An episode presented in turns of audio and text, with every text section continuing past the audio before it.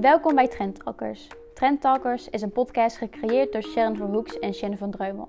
Wij zijn trendonderzoekers in opleiding en een trend is opgebouwd of bestaat uit clusters van signalen en manifestaties die duiden op waardeverschuivingen binnen de maatschappij. Sharon, wat is een signaal? Een signaal is een nieuw product, idee of dienst die dus heel duidelijk die waardeverschuiving of behoefteverschuiving uit.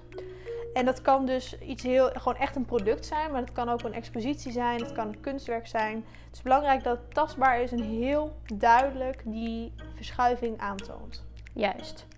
Deze aflevering van Trend Talkers staat in het teken van de Fear Society.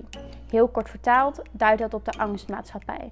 In deze aflevering gaan we erin duiken om te kijken waar deze verschuiving vandaan komt, welke manifestaties daarin leven en welke trends wij daarbinnen zien gebeuren. Zo, zoals ik al zei in de introductie van de podcast, gaan we het hebben over de Fear Society, de angstmaatschappij. Wat is angst? We kennen het allemaal wel. We kennen de gezonde spanning, zoals de nervositeit die we ervaren voor het afleggen van een uh, examen of een toets. Um, maar wat opvalt is de beweging in de maatschappij dat de laatste jaren we een omslag hebben gemaakt naar de ongezonde angst. De, de spanning en de angst die ons belemmert en verstikt.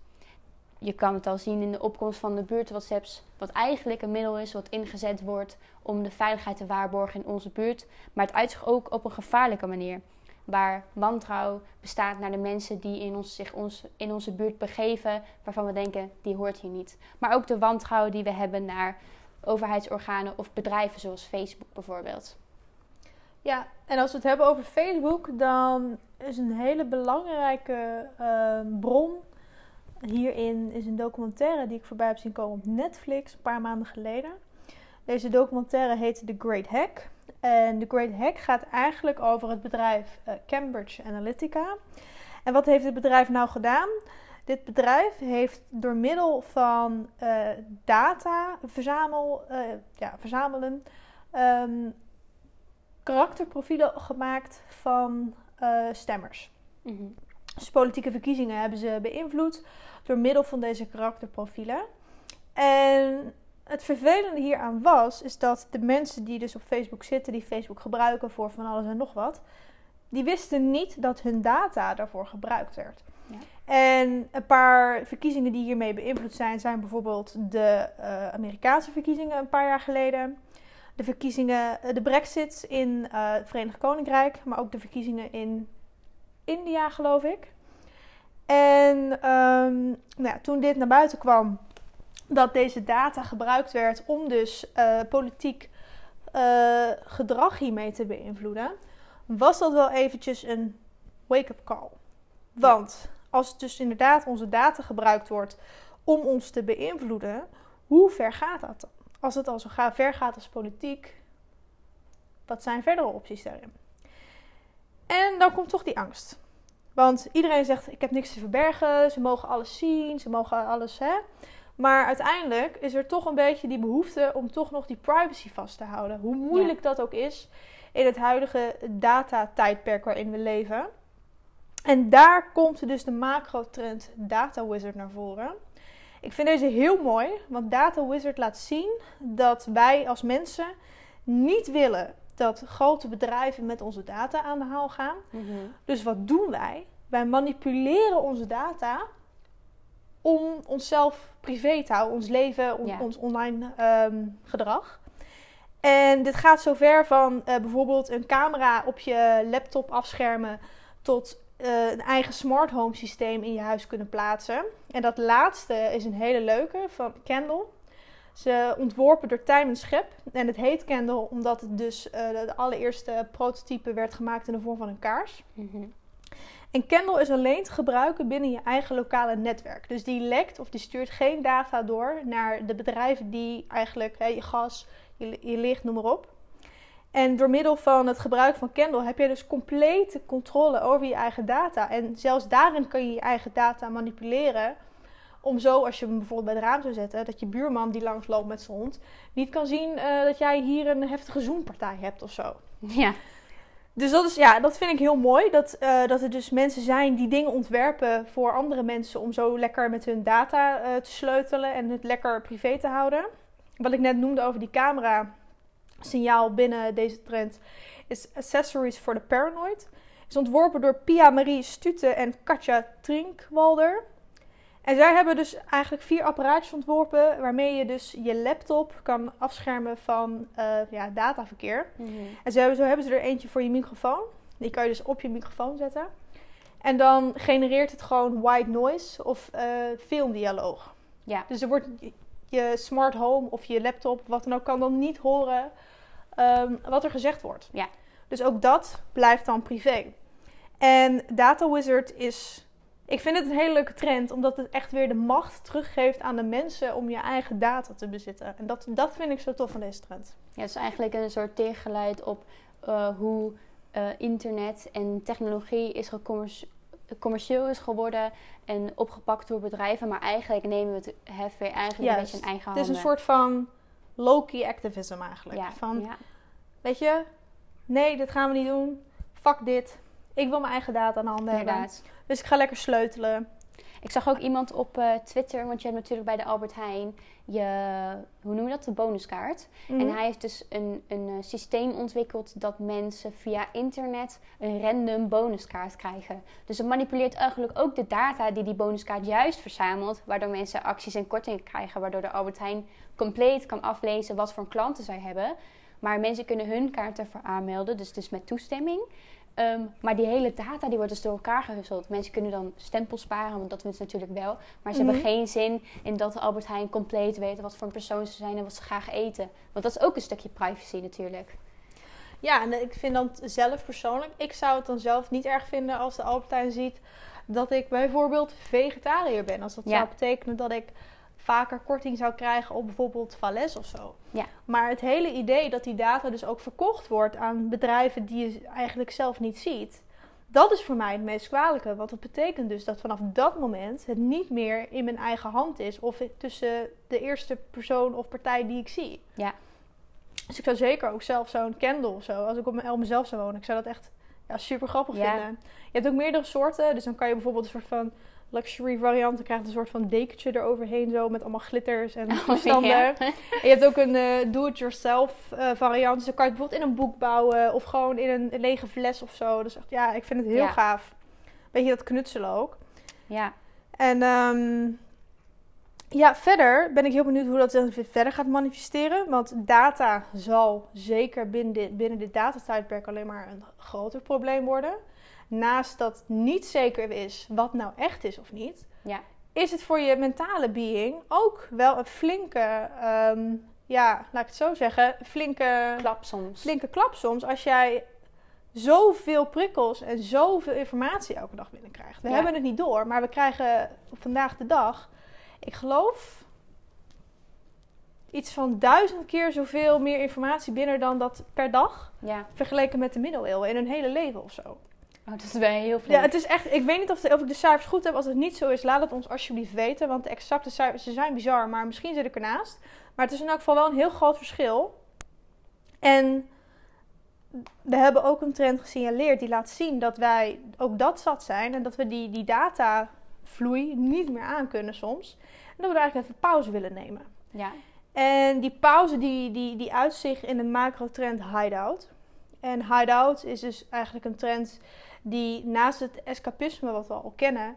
laat zien dat er gewoon behoefte is om af en toe even ademruimte te nemen... zonder compleet in contact te staan met het internet. Ja. Of met het nieuws. Want als je je tv aanzet, krijg je ook een stroom aan data en prikkels binnen. Een digital detox. Ja, Om het zo Letterlijk. te en eh, bijvoorbeeld afgelopen Brexit. Nou goed, de Britten zijn nu echt Europa uit. Ehm, maar tijdens de Brexit heeft Rise Design Studio de Brexit Bunker gebouwd in Londen.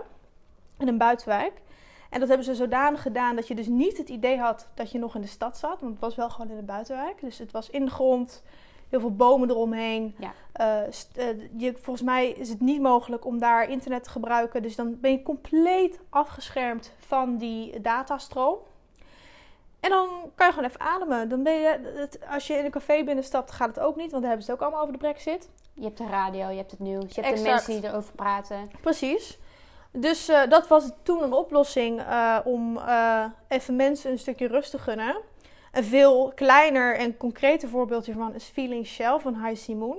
Deze designer uit Seoul heeft een soort van ja, baarmoederachtige. Ja, het, is heel, het, is, het ziet er heel vreemd uit, maar het is een soort van baarmoederachtige vorm waarin je kan gaan liggen. Mhm. En dan kan je gewoon even rustig ademen, even je ogen dicht doen. En eh, omdat het dus lijkt op een baarmoeder, eh, biedt het ons onbewust die extra rust. Omdat het ons doet denken aan toen we zelf nog in de baarmoeder zaten. Ja, een soort heel dus je eh, voelt je beschermd. oergevoel Ja, vanuit binnen. Precies, je voelt je heel beschermd. Je, je zit gewoon een heel. het is ook gewoon een heel rustig design. Waarin je kan gaan liggen om gewoon even ruimte, even pauze te nemen van die continue prikkels die je Ja. anno 2020 binnenkrijgt. Ja, als we kijken ook naar angst. We leven natuurlijk op dit moment ook in een crisissituatie met het coronavirus. De, de uiting dat de scholen dichtgaan en dat het wordt geadviseerd om binnen te blijven. ja, niet alleen het coronavirus natuurlijk. Als we kijken naar de economie, dat, eh, ik hou me hard vast. Ja, dat ook zeker. Dit is een beetje de voorbode daarvan.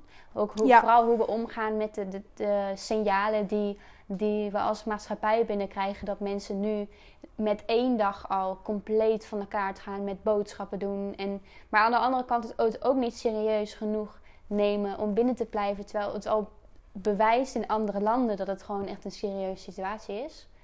Ook al behoor je niet per se tot een risicogroep. Je gaat niet met iemand anders leven spelen als jij een drager kan zijn.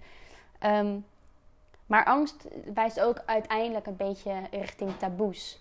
Taboes die rusten op eh, onwetendheid, de angst van niet weten wat er gebeurt. En een van de, de meest, als je denkt aan een taboe, denken mensen vaak al gauw aan de dood natuurlijk.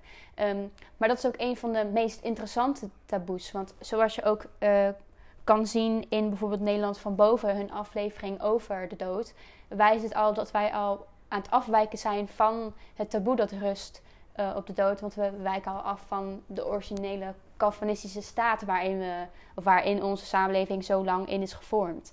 En daar zijn we langzaam van af aan het stappen. Dus het taboe begint zich eh, open te stellen. Ehm, het gesprek ehm, is vrijer, het is makkelijker. Om een taboe te verbreken gaat het ook echt om het gesprek aan te gaan en daar doorheen te gaan. Zoiets, zo staat het ongeveer in het woordenboek. Ehm, maar dan is het wel komisch om te zien hoe, hoe eh, dat zich dan uit. Ik ben ooit ehm, op YouTube langs een kanaal gekomen van Caitlin Doty. En zij, eh, haar kanaal heet Ask a Mortician.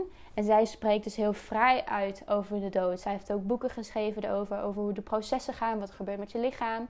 Maar ook eh, rituelen over de dood binnen andere culturen. Waar ze er eigenlijk veel vrijer mee omgaan dan wij. Daar vieren ze leven. Of zoals op de Filipijnen eh, halen ze mensen uit hun hutjes. Want die zijn gewoon compleet gemummificeerd. Die kleden ze weer aan. Geven wat eten mee. Dat is netjes. Voor een verdere reis naar het hiernamaals. En dat vind ik eigenlijk gewoon heel interessant. Want je begint langzaam ook signalen op te pikken binnen onze samenleving. Dat het gesprek van de dood en de rouw opener wordt. Zo heb je de pop-up shop in Amsterdam die, die over de dood gaat. Je kan daar je kist alvast eh, inspireren, want het is een beetje hip en trendy. Ehm, op Dutch Design Week had je ook eh Fleur. er was een, is een Nederlandse designer die heeft een, een vaas gecreëerd die ook kan fungeren als een urn. Daarom heet die Fleur. En dat biedt eigenlijk de kans aan de, mensen, de dierbaren die we verliezen, waarvan ze ons eigenlijk grotendeels afsluiten in uh, hoe wij het gewend zijn na de begrafenis. Het afscheid is vaak al niet eens meer. Je, laat, je gaat met de kist mee en je, je kijkt naar hoe er gecremeerd wordt. Het is gewoon van oké, we hebben gekeken, we hebben afscheid gedaan. En dan de laatste stappen, die worden eigenlijk al in eenzaamheid voltooid. Maar zo bied je de mensen die je dierbaar zijn een plekje in je eigen huis. Je, je, je geeft ze een nieuw leven. Zoals ook dat je begraven kan worden als een boom. Of je kan een LP worden. Er wordt getatoeëerd met as. Dus we zijn al steeds meer aan het vervormen naar het meedragen van onze dierbaren tot, tot verder in ons leven. Maar ja, gewoon een ander plekje te geven. Ik vind dat wel leuk om te zien. Ook, want we leven best wel in dan een landschap wat draait op angst. Ook in angst zaaien, in paniek zaaien en um, hoe zeg je dat? niet, niet, eh, niet hype, maar ehm, sensatie. Ja, sensatie is inderdaad in deze maatschappij een hele. Ja, gewoon waar heel veel mensen niet per se op uit zijn. Maar omdat ze eigenlijk niet zo goed weten wat er aan de hand is en wat ze nou wel of niet moeten geloven, uh, is het heel makkelijk om uh, iets de wereld in te gooien dat dan zodanig opgeblazen wordt dat, dat je dus mensen bang maakt of mensen tegen je opzet. En als we gaan kijken naar bijvoorbeeld uh, Hideout, mensen verstoppen zich ook echt omdat ze dus bang zijn voor iets waarvan ze niet zeker weten of het überhaupt gebeurt of wat de gevolgen voor hen zijn.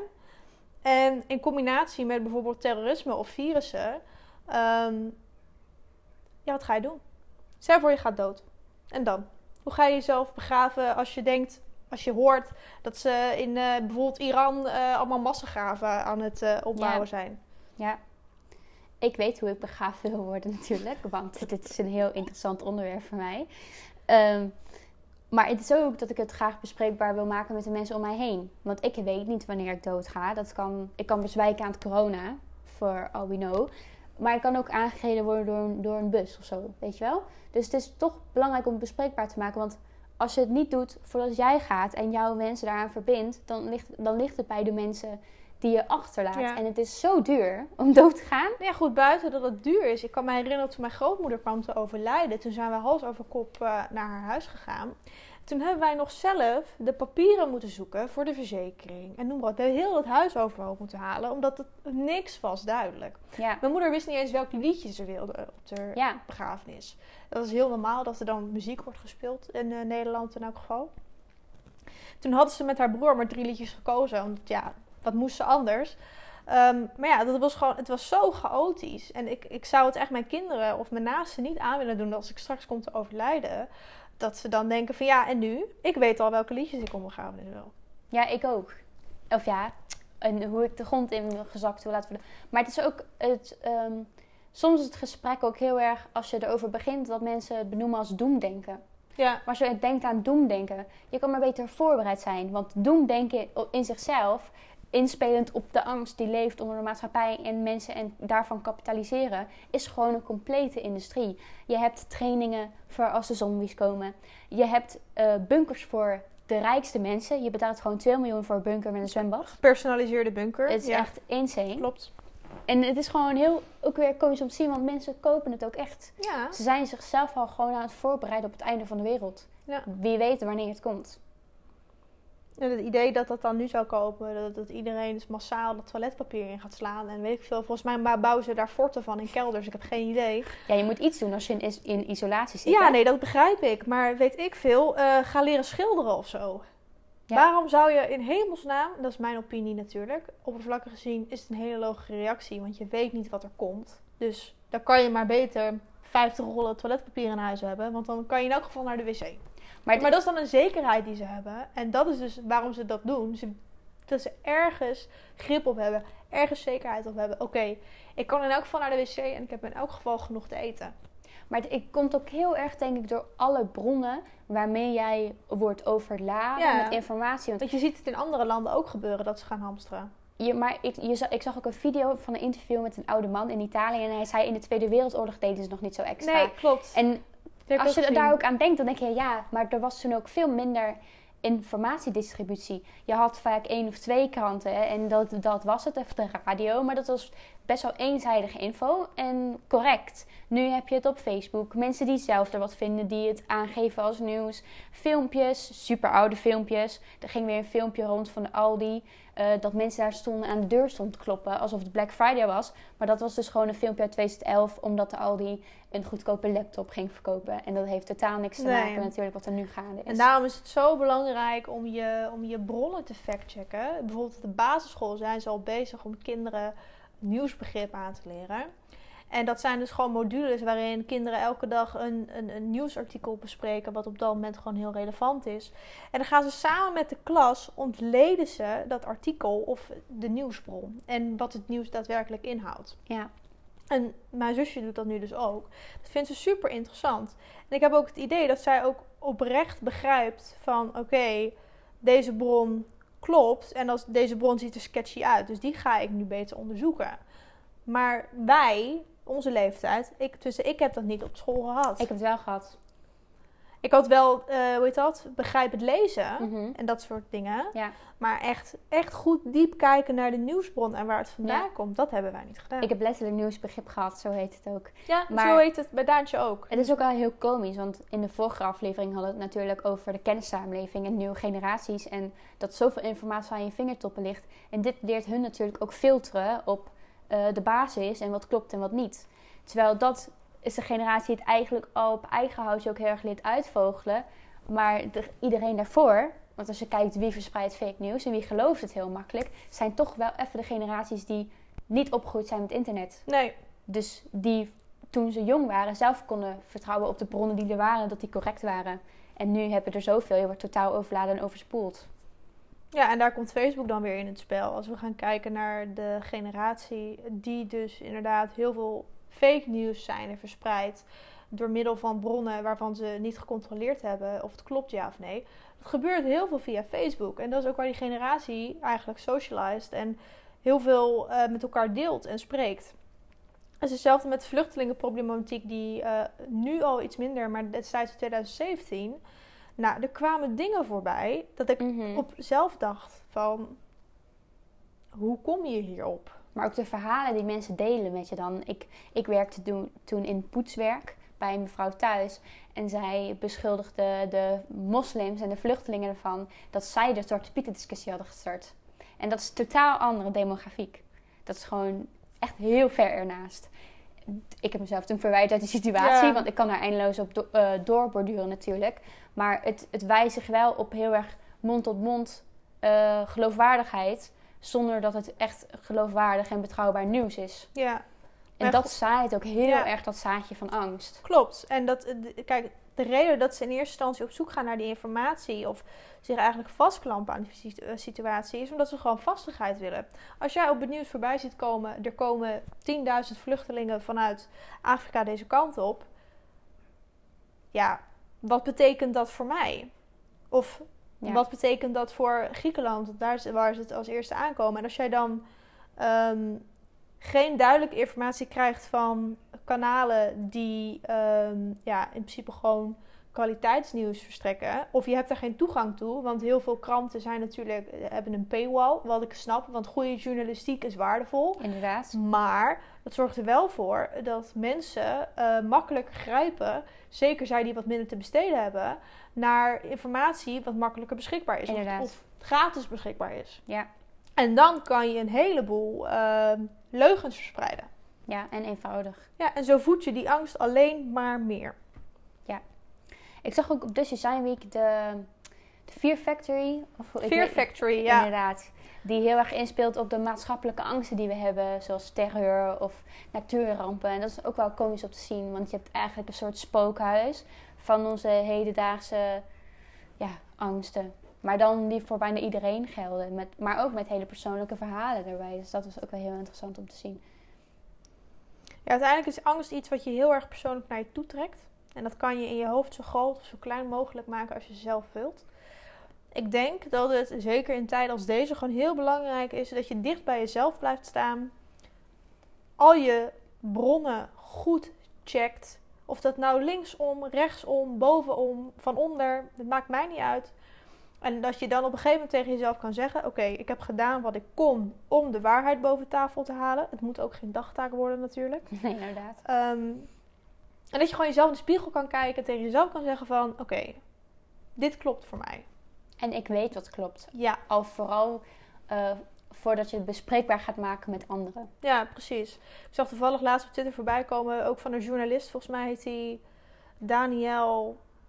Geen idee. Hij heet Daniel, that's all I know for now. Ehm, en die had ook een, een memepje gemaakt van... Als je niet veel weet over een onderwerp, Oh, hou dan gewoon je mond dicht. Ja, dat was volgens mij over, eh, ook over een college op eh, een universiteit. Ja, een college Ja, het was een college inderdaad, wat hij gaf, inderdaad. Als je er niet genoeg over weet, hou gewoon je mond dicht. Ja.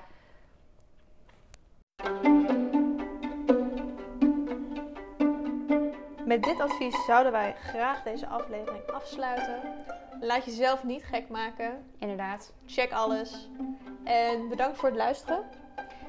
En de volgende keer gaan we het hebben over het late kapitalisme en de trends die daarmee te maken hebben.